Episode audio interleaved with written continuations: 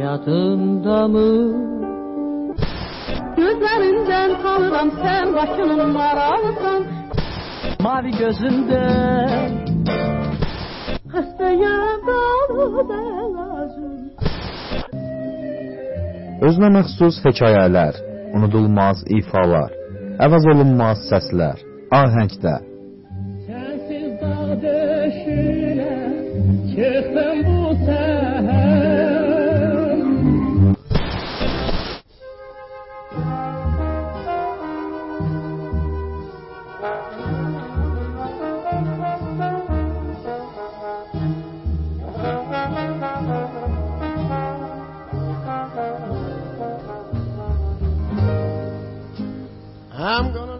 Hər vaxtınız xeyir olsun əziz CSR FM dinləyiciləri.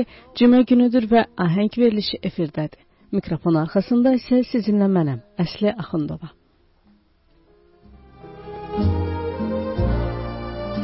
High as a mountain, deep as a river, come rain come shine.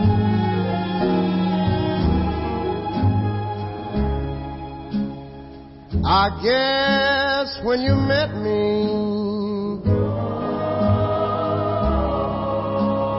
it was just a, one of those things.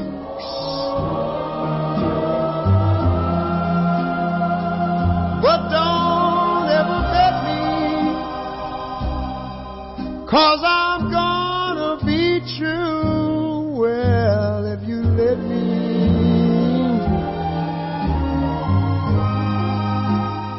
Gonna love me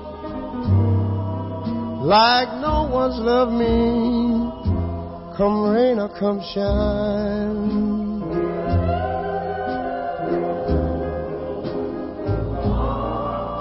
Happy together, unhappy together, and wouldn't it be fine? O 70 studiya albomunun müəllifidir və 17 dəfə Grammy mükafatına layiq görülüb. Bəli, dinləyicilər, bu gün sizinlə Ray Charles haqqında danışacağıq.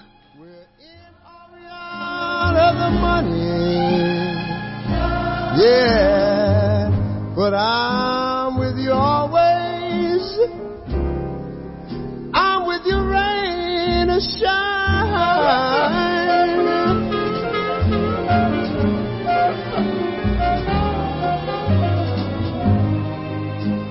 Gonna love me like nobody's loved me come rain or come shine.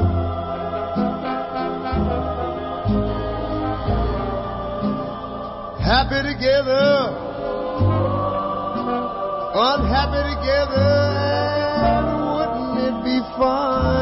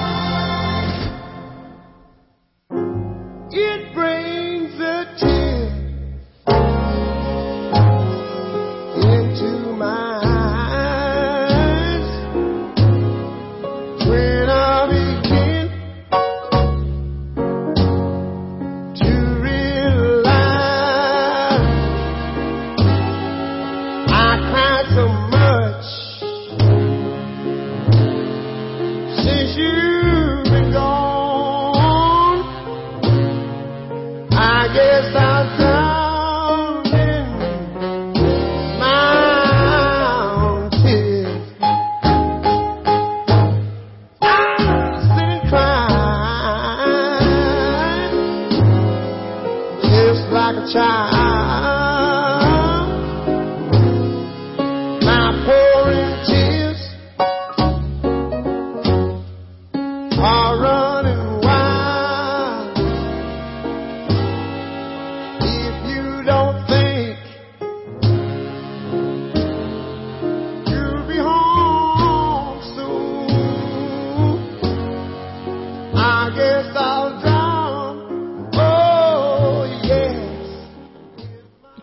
2004-cü ildə Rolling Stone jurnalı özünün ölməzlər siyahısında Ray Charles'a 10-cu yer verib. O heç şübhəsiz müasir musiqinin inkişafında müstəsna xidməti olan sənətçilərdəndir. Böyük müğənni Frank Sinatra Ray-i show biznesin yeganə dahisi adlandırırdı. Müğənni Bill Joel isə belə deyirdi: Bu sizə dəhşətli gələ bilər, amma mən belə hesab edirəm ki, Ray Charles Elvis Presley-dən də mühüm sima idi. Mən bilmirəm ki, onu rock-n-rollun banilərindən sayırlar yoxsa yox, amma Ray həqiqətən də bir çox yeniliklərdə birinci olub. Mənə ikinci bir sima göstərin ki, bu qədər müxtəlif üslubları bir-birinə qarışdırsın və belə ajitajla qarşılansın. Oh,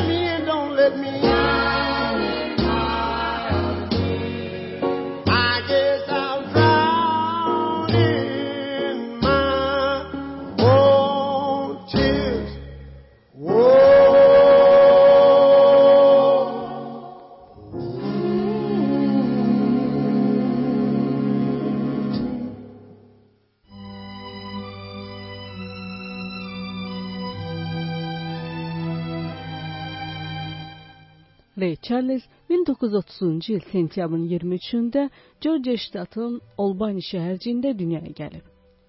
Atası Bailey Robinson, anası Aretha Robinson olub. Ray'in ailəsi çox yoxsul idi. Özünün dediyi kimi, hətta başqa qara dərilər arasında belə biz cəmiyyət pilləkənin ən aşağı pilləsində idik. Bizdən aşağıda yalnız torpaq idi. Robinsonlar ailəsi Cənubi Floridanın Greenville şəhərinə köçəndə balaca Ray hələ 6 aylıq idi. Onun tərbiyəsində atasının heç bir rolu olmayıb. Çünki onunla qardaşı George hələ balaca olanda Beyl ailəsini tərk edərkən oğlanlarını Areta'nın və öz anası Mary J. Robinson ümidinə buraxıb gedir. Rayin 5 yaşı olanda özündən bir yaş kiçik qardaşı təsadüfən küçələrdəki su çənində batmağa başlayır. Hadisənin şahidi olan oğlan qardaşını xilas etmək istəsə də uşaq ağır olduğundan gücü çatmır. George batır, ağır ruhu sarsıntı keçən Rayin isə gözləri tutulmağa başlayır. Artıq 7 yaşı tamam olanda Reyin gözləri heç görmürdü.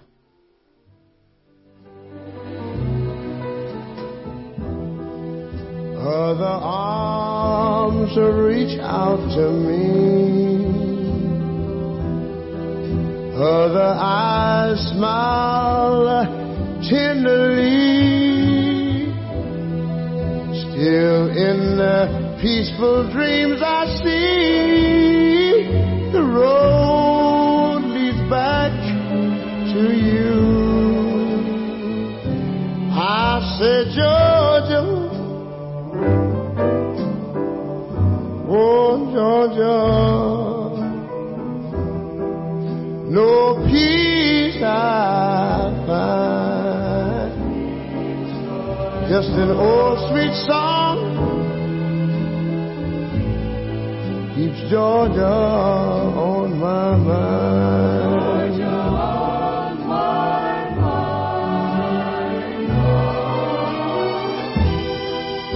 Lord, arms reach out to me. Other eyes smile tenderly. Still in peaceful dreams I see. Leads back to you. Whoa, Georgia, Georgia. No peace. Özü deyirdi ki, körlüğünün səbəbi sona kimi aydınlaşdırılmadı. Amma belə bir güman var idi ki, o qlavkomanın ağır formasına mübtəla olmuşdu. O dünya işığına həsrət qalmasından çox sarsıntı keçirirdi və belə bir şayiə dolaşır ki, güya 80-ci illərdə Ray Charles mətbuata anonim elan verərək bir gözünü ona sata bilən donor axtarırmış. Lakin həkimlər bu əməliyyatı çox təhlükəli saydıqlarından Ray'in arzusu ürəyində qalır. mind.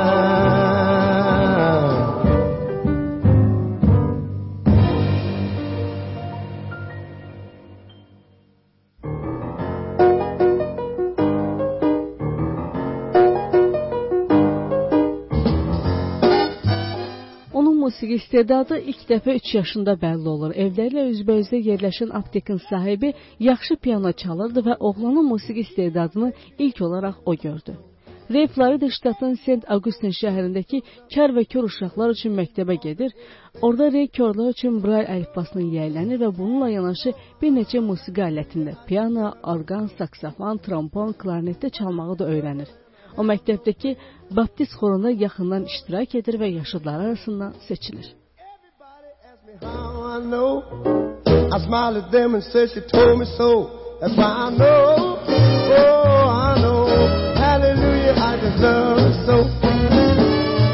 Now if I call her on the telephone and tell her that I'm all alone, by the time I come from one to four, I hear her. On my door in the evening when the sun goes down when there is nobody else around. She kisses me and she holds me tight and tells me, Daddy, everything's alright. I know, yes, I know, hallelujah, I deserve it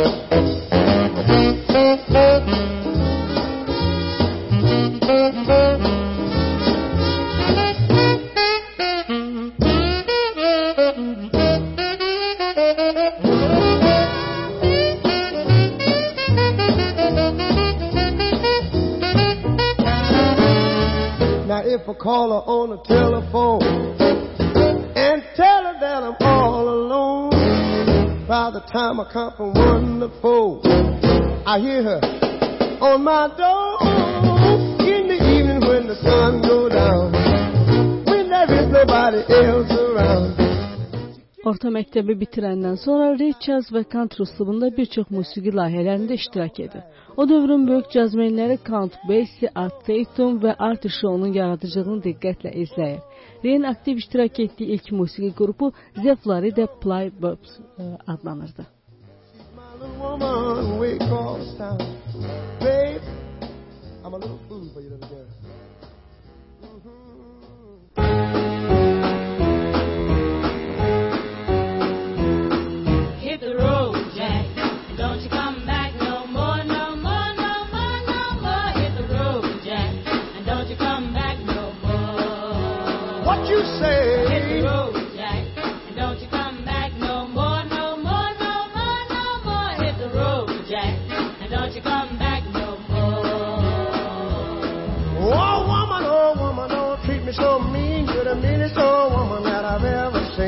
I guess if you say so, I'll have to pack my things and go. That's right, hit the road, Jack. And don't you come back no more, no more, no more, no more. Hit the road, Jack.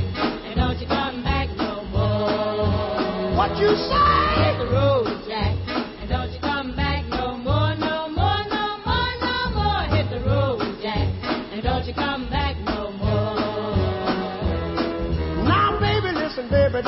Me this away. Cause I'll be back on my feet someday. Don't care if you do, cause it's understood. You ain't got no money, you just ain't no good. Well, I guess if you say so, I'll have to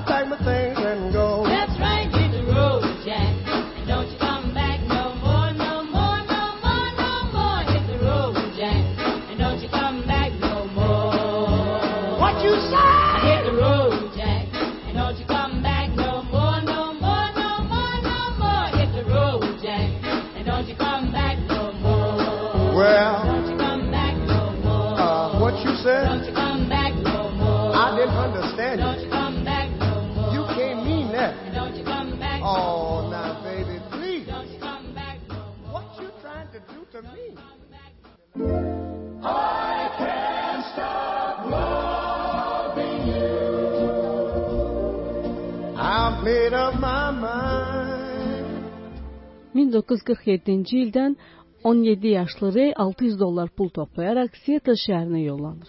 Orada gitarçı Gostadi Mack ilə bir yerdə Max and Trio qrupunu yaradır. Artıq az sonra onun ilk imtiyazları da meydana çıxır. Ray'in ilk 3 mahnısı Greater Blues, Walking and Talking, Wonders and Wonder'ın Swing Time Records label altında bazara çıxır. I'll just live my life in dreams of yesterday. Those happy hours. 1952-ci ildə o işlədiyi səs yazma şirkətini dəyişir və Atlantic Records-a keçir. Şirkətin ilk addımı musiqiçinin adını qısaldıb Ray Charles etmək olur.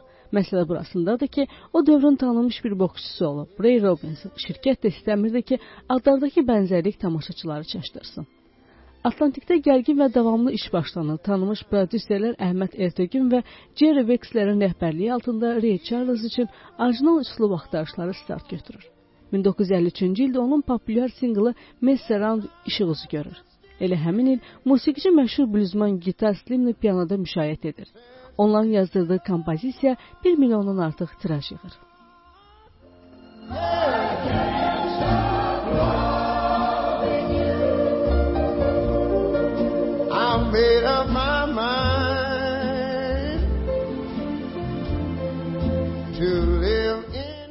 Onun öz qələminə məxsus böyük uğur qazanan ilk mahnısı isə It Should Have Been Me olur. Dinləyicilərin böyük diqqətini cəlb edən bu mahnı da milyonluq tirajla çıxır. 1955-ci ildə buraxdığı I Got a Woman mahnısı isə artıq çartlarda birincilik qazanır. It's. So I'll just live my life of yesterday.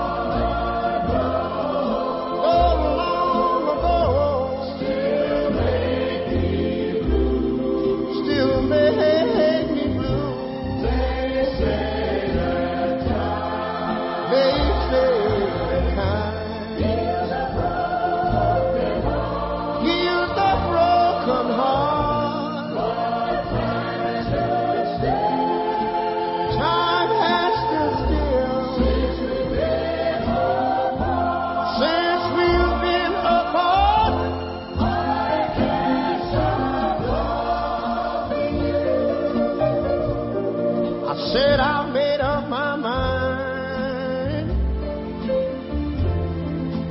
to live in memories of the lonesome time. Sing the song, children.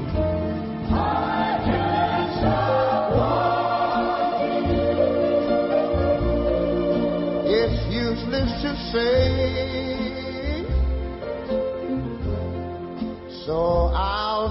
Live my life of dreams of yesterday.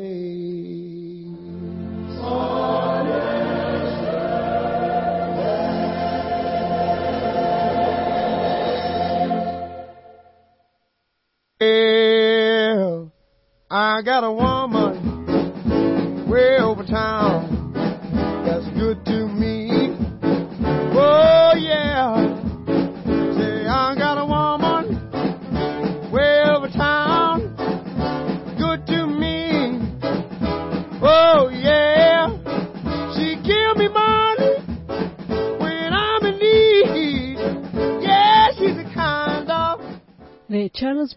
kind of Ray Charles bütün ömrü boyu irqi ayrı seçkiliyə qarşı mübarizə aparıb. 1962-ci ildə buraxdığı Modern Songs and Country Music albomundan sonra onu Amerika country musiqinin ən böyük simalarından biri saymağa başladılar. Bu isə qara dərili bir ifaçı üçün misli bərabəri olmayan nailiyyətidir. Məhz bu uğuru ona imkan verir ki, cəmiyyəti parçalanan irqçiliyə qarşı etiraz səsini daha yüksəklərə çatdırsın. 1961-ci ildə Ray Charles Georgia ştatının Oqas şəhərindəki konsertində oxumaqdan imtina edir. Çünki konsert zalına qara və ağların ayrı-ayrı yerlərdə əyləşdirilməsi nəzərdə tutulmuşdu. love me so tenderly. I got a woman way over town that's good to me.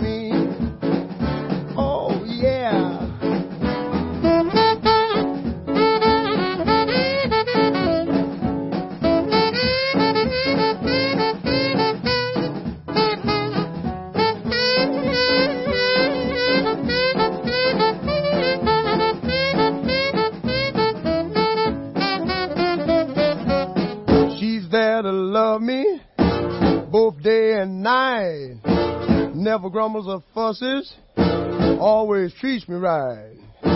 Never running in the streets and leaving me alone. She knows a woman's place. It's right there now in her home. I got a woman way over town that's good to me. Oh, oh yeah. See, I got a woman way over town 1965-ci ildə Bostonda Ray Charles heroin və marixuana saxladığı üçün həbs edilir. Müğənni düz 17 il heroindən asılı vəziyyətdə yaşayıb, amma narkotiklərlə ilk tanışlığı 16 yaşında olub. Uyuşturucular uzun illər boyu onun yaradıcılığını öz təsirini göstərib. Müğənni özdə deyirdi ki, narkotiklər illər uzunu belimdə gəzdirdiyim meymun olub mənim üçün. Nə düşürə bilmişəm, nə də rahatlıq tapa. She's alright, she's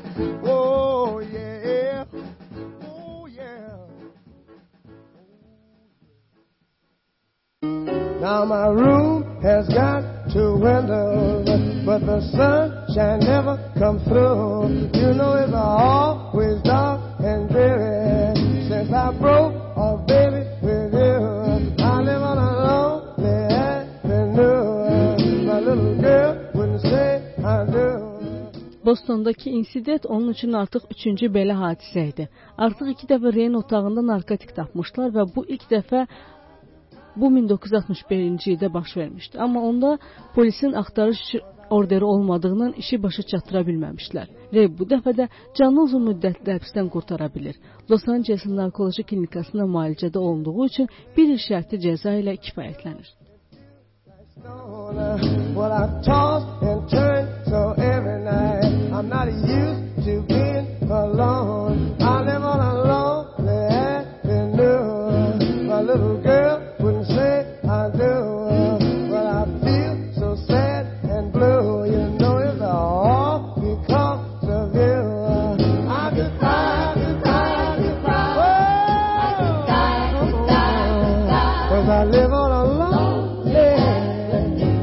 Amma bu hadisə onun həyatında dönüş nöqtəsi olur. Ray Charles narkotiklərə bir dəfəlik əlvida söyləyir.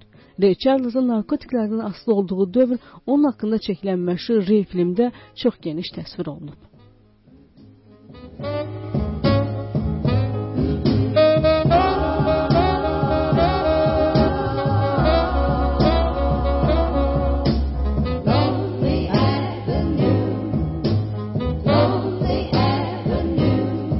Now I've been so sad and lonesome uh, uh, since you left town. You know, if I could beg or borrow the money, child, I would be a highway bound. I live on a lonely 70-ci illərdən sonra onun yaradıcılığı artıq bir mənalı qəbul olunmurdu. Bəzi mahnıları ajiyatorla qarşılansa da, bəziləri diqqətdən kənarda qalırdı. Həmin dövrdə o vaxtının çoxunu konsert fəaliyyətinə sərf edirdi. Studiya albomlarında isə keçici materiallar həddindən ziyadə çox olurdu. Onun musiqisi getdikcə country-yə meylənir, souldan uzaqlaşırdı. Lonely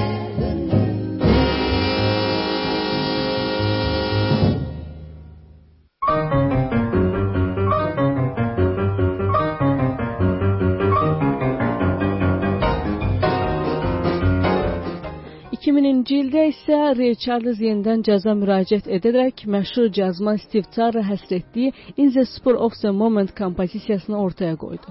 2000-ci ildə isə Fransadakı konyak bayramında çıxış elədi. Həmin çıxış onunla yadda qaldı ki, palatlarından biri səhnəyə çıxıb Ray'in bir məşhur kompozisiyasını oxumağa başladı. Təhlükəsizlik xidməti həmin musiqi səvəri səhnədən çıxarmaq istəsə də, müğənni buna imkan verməyərək mahnının musiqisini çalmağa başladı və o palatın sonadək müşayiət etdi. They did the boogie woogie with a study roll. They mess around. They doing the mess around. They doing the mess around. Everybody doing the mess 2003-cü ilin may ayında Ray Charles özünün mininci konsertini Los Angeles şəhərində verdi. Onun tamaşaçılar arasında sonuncu çıxışı isə 2004-cü ilin 30 aprelində oldu. Ray Charles dünyasını 73 yaşındaykən yaşadığı Beverly Hills-də dəyişdi. Son illər canağında keçirdiyi əməliyyatın fəsadları ona çox əzab versə də, ölümünün səbəbi çox güman ki, qaraciyər xərçəngi idi. Bu xəstəliyin ilk əlamətlərini onda hələ 2002-ci ildə aşkarlamışdılar. Onun bioqrafi David Ritson xatirələrində deyilir ki, son aylar Ray demək olar ki, yeriyə danışa bilmirmiş, amma hər gün özünün şəxsi studiyasına gələrək işini səliqə ilə görürmüş. Now you got it, boy.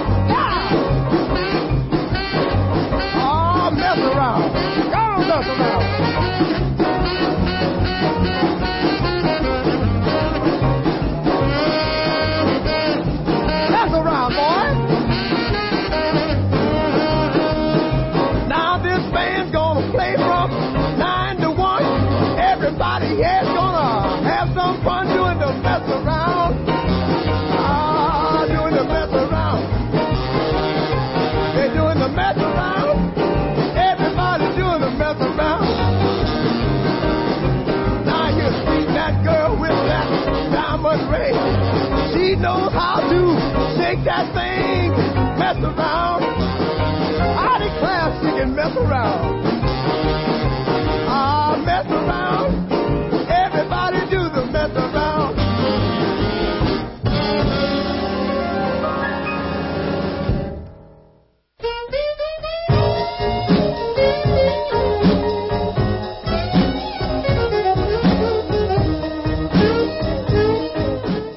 Bir dəfə Ray Charles jurnalistlərə müsahibəsində demişdi: "Mən əbədi yaşamayacağam. Bunu anlamaq üçün ağlım bəs edir.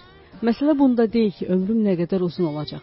Məsələ ondadır ki, mənim həyatım nə dərəcədə gözəl keçəcək." Come on,